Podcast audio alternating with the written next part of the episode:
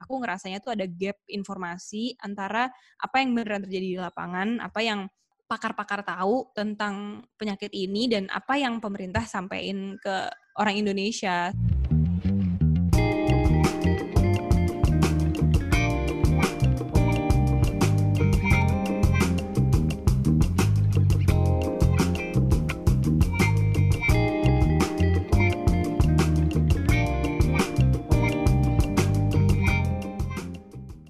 Muti, is everything alright? Hmm, gimana ya?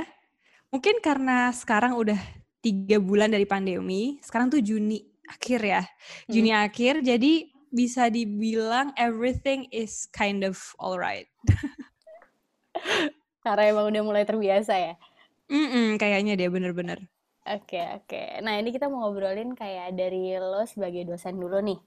Mm-hmm. Jadi gimana di kondisi sekarang? Kan berarti ngajar jadi dari rumah. Gue tau sih kayak uh, bidang lu sebenarnya pasti banyak praktek, pasti banyak yes, hal yes, yang seperti bener, itu bener, gitu kan. Nah itu tuh gimana mm-hmm. tuh kayak dengan diganti semuanya online gitu tuh gimana gitu kondisinya? Mm. Oke, okay. kalau gue sendiri kan ngajarnya itu uh, seputar sains yang biologi, which is memang mungkin 75% di kelas ngajar lecture, 25%-nya itu ada uh, praktek di lab. Nah, sayangnya sih karena ada pandemi ini sebenarnya murid-murid gue jadi kebanyakan yang di lab itu labnya jadi diganti online which is sebenarnya nggak bisa keganti 100% ya. Jadinya kayak mereka cuman di rumah uh, nonton video gimana cara ngelakuin online apa ngelakuin lab itu tapi online gitu. Jadi rada disconnected sih sebenarnya. Cuman ya uh, dengan adanya new normal dan sebenarnya kita tetap apa ya namanya ya kita tetap beradaptasi harusnya ke depan udah mulai bisa kembali eh, nggak uh, kembali normal ya, cuman berangsur-angsur kita bisa nge-lab lagi gitu, walaupun tetap kelas yang lainnya semuanya tetap online gitu. Ah, oke. Okay. Berarti uh, diganti dengan gue gak tau sih. Terus kayak kalau praktikum gitu-gitu atau apa segala macam mm -hmm. itu kan biasanya ada pengambilan nilai gitu-gitu. Kalau online mm -hmm. kayak gitu berarti mereka nggak nyoba praktek sama sekali dong ya? Iya, kayaknya sih uh, di diganti jadinya. Either mereka salah mereka uh, semester ini harusnya ngambil praktek lab terus diganti jadi semester depan atau uh, labnya itu jadi dibikin semuanya by theory gitu. Ya sayangnya sih emang uh, mereka jadi nggak punya dapat kesempatan ngerjain itu langsung. Cuman hmm. uh, di biologi itu memang uh, bukan berarti kita satu setiap semester tuh ngelakuin hal yang beda. Biasanya tuh ada repetitifnya, mm-hmm. terus kita ngulang hal-hal praktikum yang sama gitu. Jadinya sebenarnya in the future mereka juga pasti bakalan tetap dapat chances buat ngelakuin itu sih. Oh, oke. Okay. Tapi kayak berkurang aja berarti ya. Yang yeah, tadi kita udah bisa lebih cepat mulainya sekarang harus sekarang kondisi kayak gini yes. di depan-depan mereka baru akan mempelajari itu gitu kan? Iya iya iya benar benar benar. Eh udah ada belum sih angkatan yang masuk benar-benar di masa uh, pandemi ini gitu di masa uh. nah itu baru baru uh, semester depan nih makanya kampusku juga sebenarnya masih uh, belum terlalu ngabarin ke kita lecturer ya kayak apakah jumlah muridnya sama, apakah mereka bakalan ngubah sedikit atau adaptasi sedikit kurikulumnya gitu-gitu belum dibahas sebenarnya. Jadi kita anxious juga sih. Tapi harusnya bulan depan Agustus atau September. Wow, iya juga ya. Berarti kayak harusnya jumlah murid sih dikurangin sih atau kuliah jadi shift-shiftan gitu kali ya? Ada shift pagi, shift sore. Iya sih. Iya kan? Kan harus hmm. sepi. Kalau misalnya buat September gitu kayaknya peraturannya belum terlalu keluar sih. Tapi kalau misalnya karena kampusku di Jakarta, hmm jadi kayaknya masih ngikutin peraturan dari uh, Pemda Jakarta dan juga sampai sekarang kalau dari Mas Nadim, Mas Menteri ya, Mas Menteri Nadiem mm-hmm. Makarim tuh kayaknya untuk perkuliahan itu sampai sekarang masih online peraturannya. Okay. Mm-mm, apalagi kan kalau misalnya kampus itu biasanya nggak cuman walaupun kampus di Jakarta nggak cuman uh, studentnya itu orang-orang Jakarta kan biasanya dari seluruh Indonesia. Jadi itu sebenarnya rada ngerepotin juga sih untuk mereka pindah ke Jakarta sedangkan traveling dengan pesawat mungkin belum terlalu aman juga. Terus mereka juga di Jakarta kan harus tinggal ngekos apa gitu. Jadi hmm. emang kayaknya so far paling aman masih kuliah online sih Terus tapi kalau dari mata kamu sendiri sebagai akademisi asik, ya itu tuh asik. ya bener kan ya itu tuh apa ya kayak impactnya apa sih sebenarnya kayak anak-anak sekarang semua kuliah harus di rumah gitu tuh kayak seberapa besar impactnya gitu? Kalau aku sih malah ngelihatnya ini sebenarnya uh, opsi yang positif banget ya. Aku sendiri emang mungkin basically karena orangnya introvert jadi enjoy banget working from home. Mungkin aku salah satu orang yang don't mind sebenarnya ngajar online walaupun preparationnya itu jauh lebih banyak. Jadi sebenarnya sih uh, belajar online itu mungkin lebih berat ke pengajarnya dan lebih berat juga ke muridnya karena kita masih ngelakuin adjustment. Aku ngerasa awal-awal minggu pertama karena itu kita semua sh lumayan shock kan dengan berita mm -hmm. semua harus kelas di rumah gitu. Nah itu aku uh, penyesuaiannya rada lama karena yang biasanya aku bikin satu kelas ngedesain, ngebikin slide apa macam-macam itu butuh misalnya kayak 6 jam. Ini aku bisa butuh hampir dua kali lipatnya. Wow. Karena berarti materinya harus uh, online semua dan biasanya kalau kita ng ngasih materinya itu tradisional, jadi kita kayak misalnya ngasih lecture via Zoom atau apa tiga jam gitu itu biasanya anak-anak bosen dan udah nggak bisa follow through gitu. Mm-hmm. Sedangkan kalau di kelas bisa-bisa aja. Jadi mm-hmm. emang harus lebih inovatif, harus lebih kreatif dalam nge-package kelasnya itu gitu. Jadi ya sebenarnya good juga sih untuk para lecturer-lecturernya buat jadi ngasah kreativitas. Tapi emang lumayan berat sih dilakuin buat kita. Challenging lah tapi ya. Mm-hmm. Yeah. Nah, selain sebagai dosen, kan kamu juga researcher, abis itu juga kamu sejak Februari atau Maret ya yang mulai yeah. bikin Pandemic Talks itu? Kayaknya bulan Februari akhir deh, pas, akhir. pas kasus di Jakarta pertama ada COVID-19, aku udah ngomong-ngomong tuh di Instagram lumayan sering, nah baru bikin Pandemic Talks itu pas ada kasus pertama.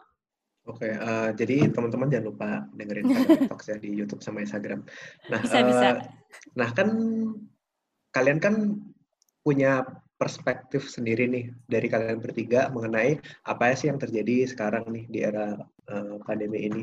Nah, belakangan ini kan PSBB dibuka dan kita udah bisa lihat banyak orang-orang yang menanggapi pembukaan PSBB itu dengan macam-macam gitu. Dan hmm. mungkin contohnya ada kayak di CFD kayak kemarin rame habis. Terus kayak hmm. orang-orang juga pada mulai berkeluaran. Nah, pendapatmu tentang hal tersebut gimana sih?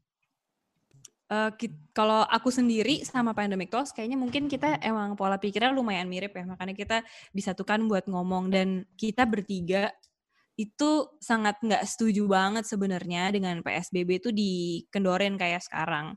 Apalagi kita ngelihat sendiri kan kalau misalnya orang Jakarta tuh ternyata sesusah itu diaturnya gitu. Ini CFD kan gak cuma minggu ini kan rame. Yeah. Kayak minggu lalu yeah. rame, dua minggu lalu juga udah rame gitu. Jadi kayak walaupun bilangnya masih transisi, tapi orang-orang tuh kayak menganggap uh, secara literal bahwa kita tuh setelah PSBB selesai kita tuh udah bisa kembali ke aktivitas kita sebelumnya gitu. Yeah.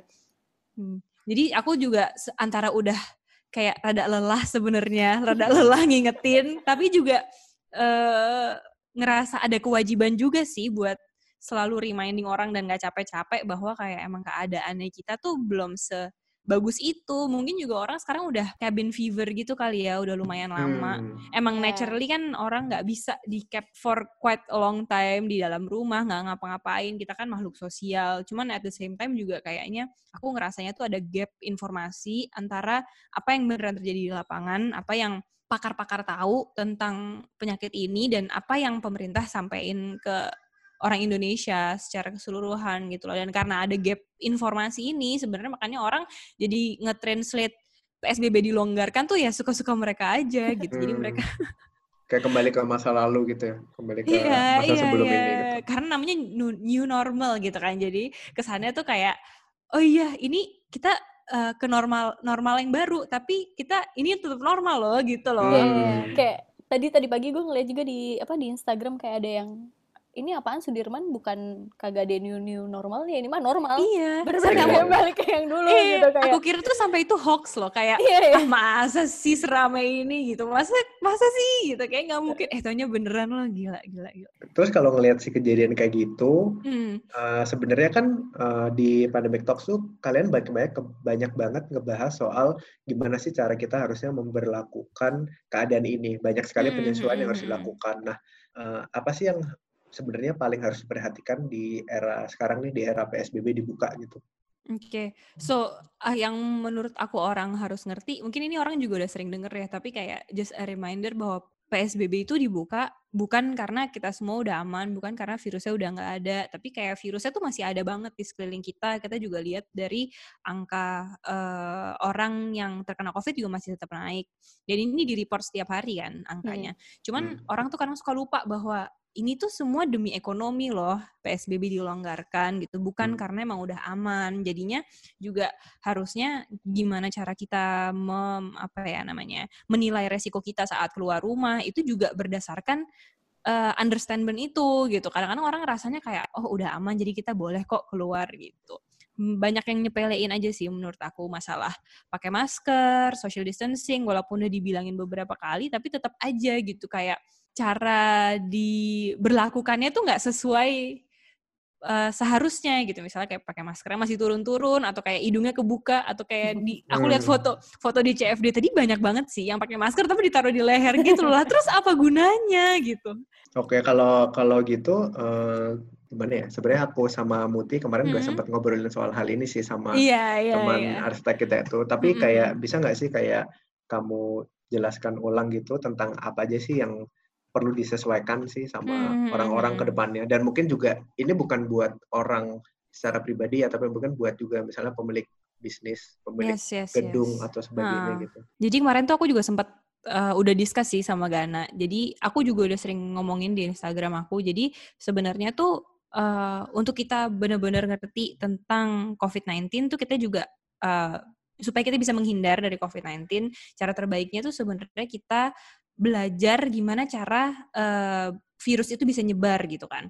Nah, hmm. virus itu bisa menyebar kalau misalnya droplets dari satu orang itu masuk ke orang lain. Misalnya kamu bersin, kamu batuk, terus misalnya dropletsnya ke bawah angin, terus terkena kamu gitu, terkena tangan kamu, terus kamu masukin tangan dan seterusnya. Nah, droplets ini kan nggak cuman pas kamu keluar kalau misalnya kamu bersin atau batuk, bisa juga kalau misalnya kamu tuh lagi ngomong atau kamu lagi nyanyi. Pokoknya setiap kamu buka mulut, setiap kamu bernafas, partikel-partikel air liur itu kecil banget, tapi kita nggak bisa ngelihat gitu dalamnya tuh virus gitu. Dan kalau aku sih sama teman-teman uh, pandemic talks ngomongnya tuh VDJ. Jadi kalau misalnya kita mau nurunin resiko kita ter terkena COVID-19, kita itu harus uh, peduli dan analisa tentang uh, VDJ ini. VDJ itu V ventilasi, D durasi, J jarak.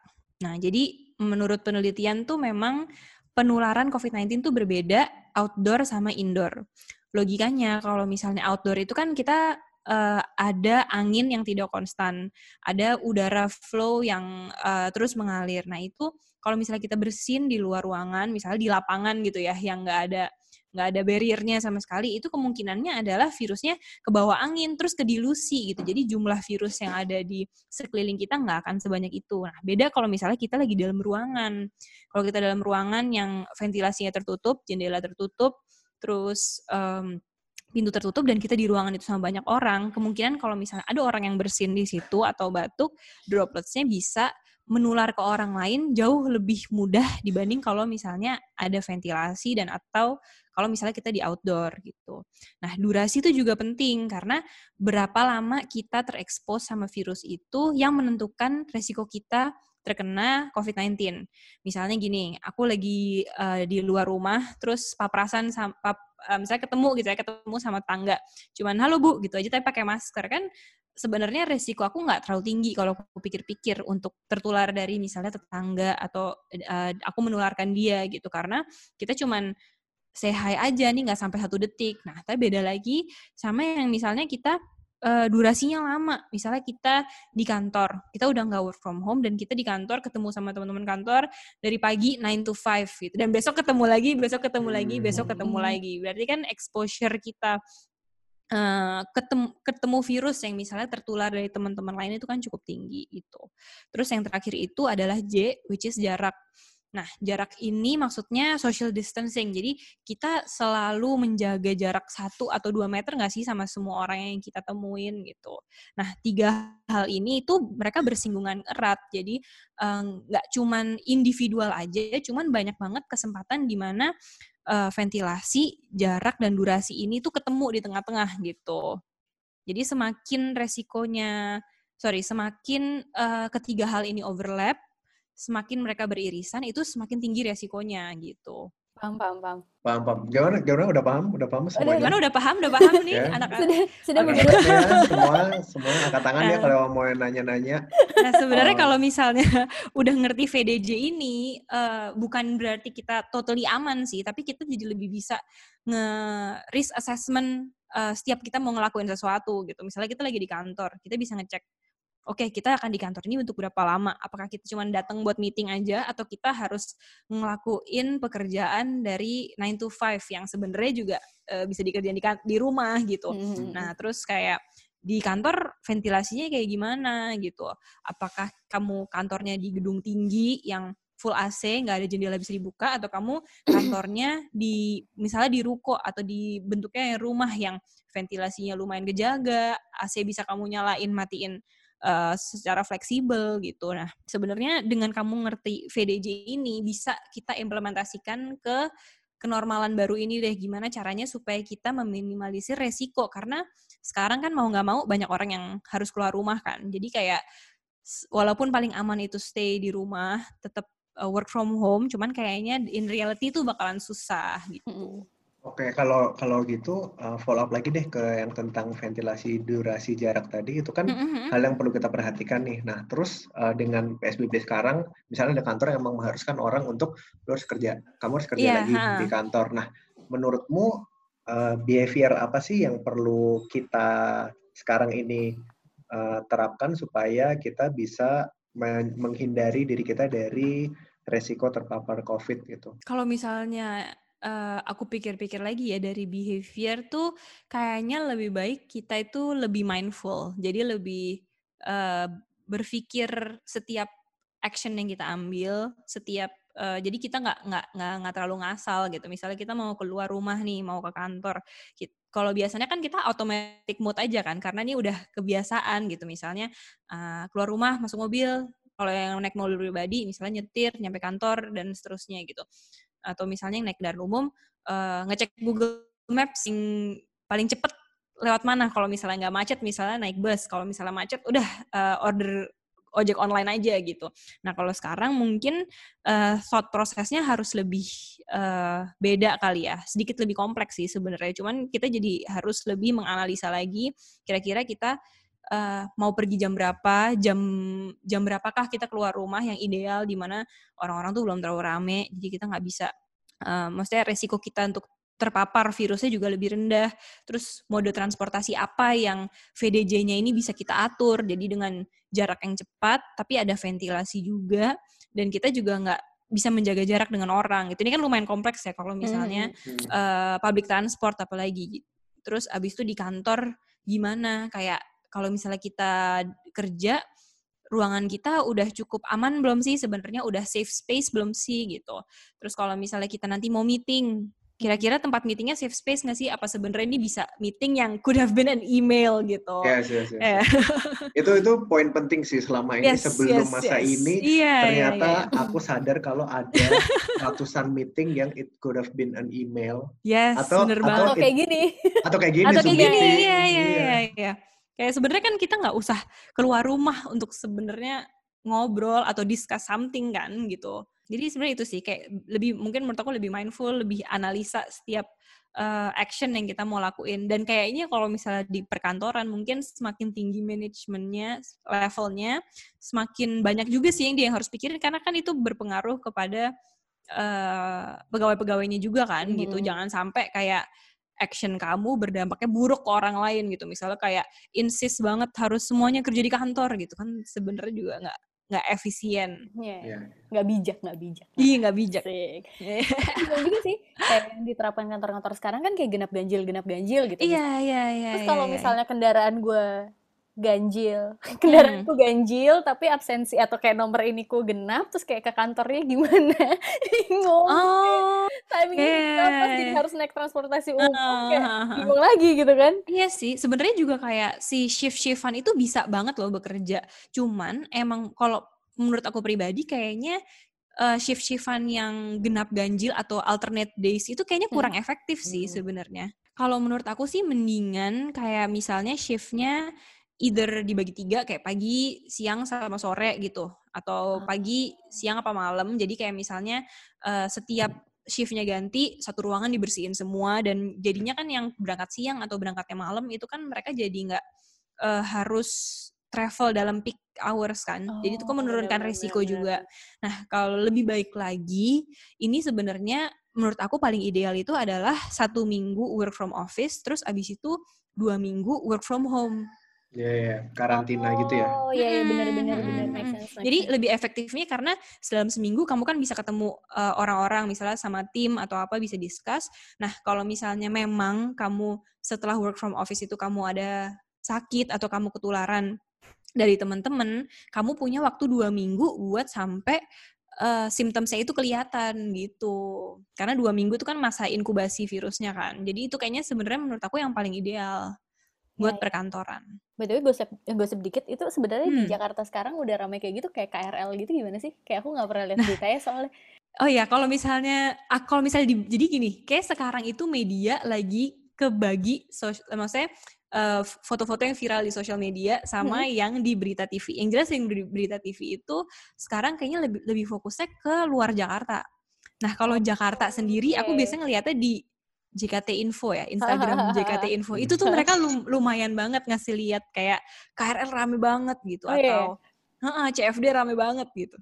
Ini iya, gak apa kan ya ngomong gak aku lain gak apa Kayak soalnya yang yang heboh banget orang bahas kemarin mungkin karena kemarin CFD kali ya. Jadi yang iya, aku lihat iya, di JKT iya. Info tuh juga yang CFD. Cuman kayak baru sadar tadi, ih KRL KRL gitu gimana KRL. Kemarin tuh katanya KRL yang ke Ban dari Bandung ke Jakarta ngantri dua setengah jam apa? Oh, Mau masuk Aduh. Wow, ya tapi gimana lagi ya?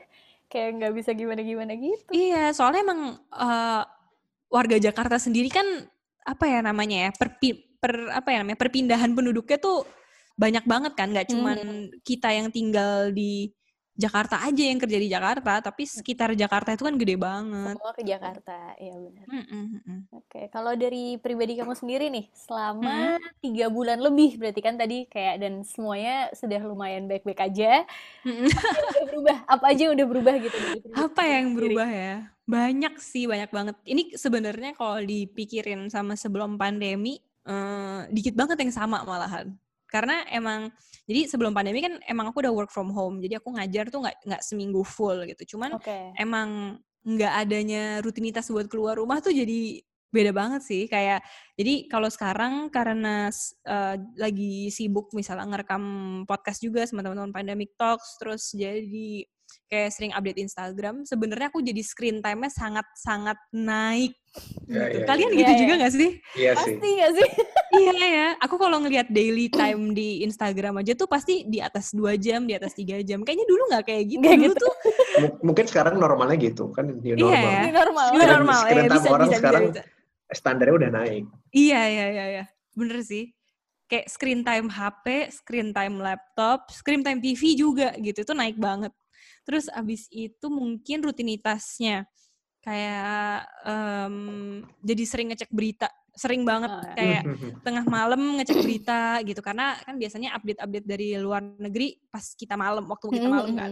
Update-update berita apa aja. Terus jadi yang bagusnya mungkin jadi sering banyak baca paper karena aku jadi uh, sering lumayan update studi-studi tentang COVID, terus jadinya jadi sering baca research paper gitu. Dulu sih biasanya kayaknya jarang sih, kalau nggak keharusan karena kantor atau kerjaan gitu nggak akan sih baca paper. Sekarang kayak baca paper bisa 6, 4 gitu, sehari pasti ada aja.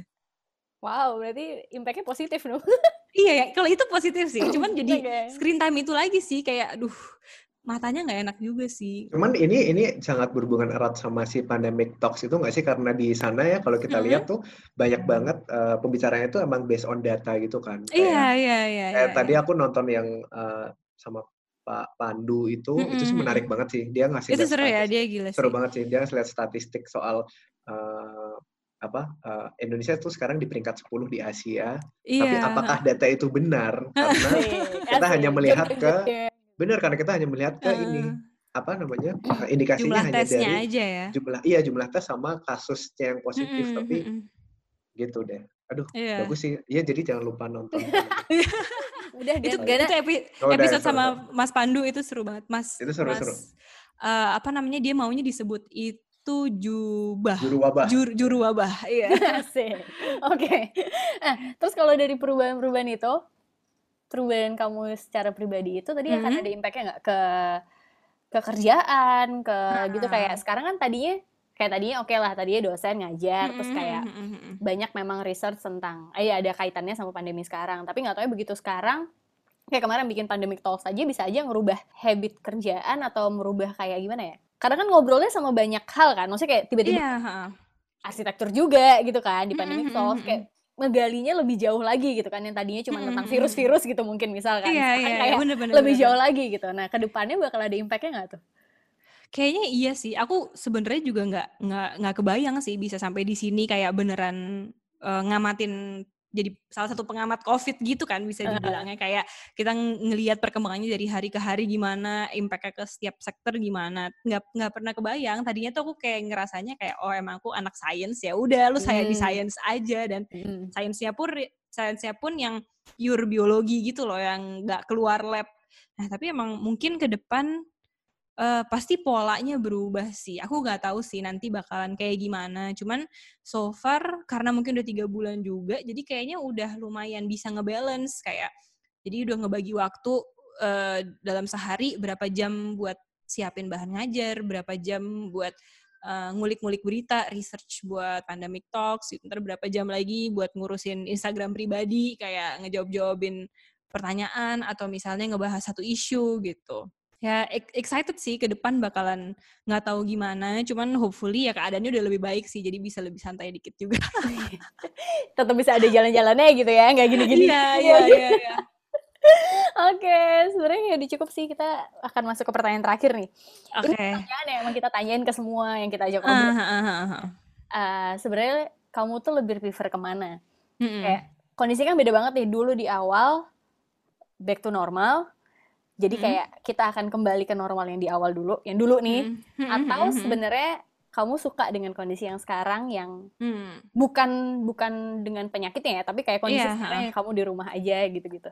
Kalau aku pribadi ya, uh, aku lebih prefer mungkin masa depan kali ya. Maksudnya kayak sekarang udah lumayan oke, okay, tapi ke depan aku lebih prefer lagi. Kenapa? Mungkin karena background aku biologi ya. Aku tahu bahwa nggak semua orang di pandemi ini keadaannya lagi baik gitu. Mas banyak banget bisnis, banyak banget field yang jadi harus benar-benar berhenti gitu. Hmm. Benar-benar berhenti karena adanya pandemi ini gitu. Cuman buat di field aku sebenarnya uh, silver liningnya adalah orang jadi lebih perhatian kali ya orang jadi lebih perhatian sama yang namanya penyakit orang jadi lebih perhatian untuk jaga kebersihan which is itu kan sesuatu yang dari dulu anak-anak biologi selalu bilang kan kayak hati-hati jangan sampai ketularan penyakit kayak mencegah lebih baik daripada mengobati gitu-gitu. Okay. Nah, jadi at, at the same time walaupun uh, sekarang kita lagi at a tough decision, lagi at a tough period of time, aku ngerasanya ini kesempatan yang baik buat kita reevaluasi lagi sih, gitu. Apalagi dengan uh, evaluasi gimana cara kerja kita, cara kerja gimana sains harusnya bekerja untuk nge-solve suatu uh, problem, gimana caranya kita nyari suatu solution, itu menurut aku sekarang potensinya gede banget buat kita really make a difference gitu.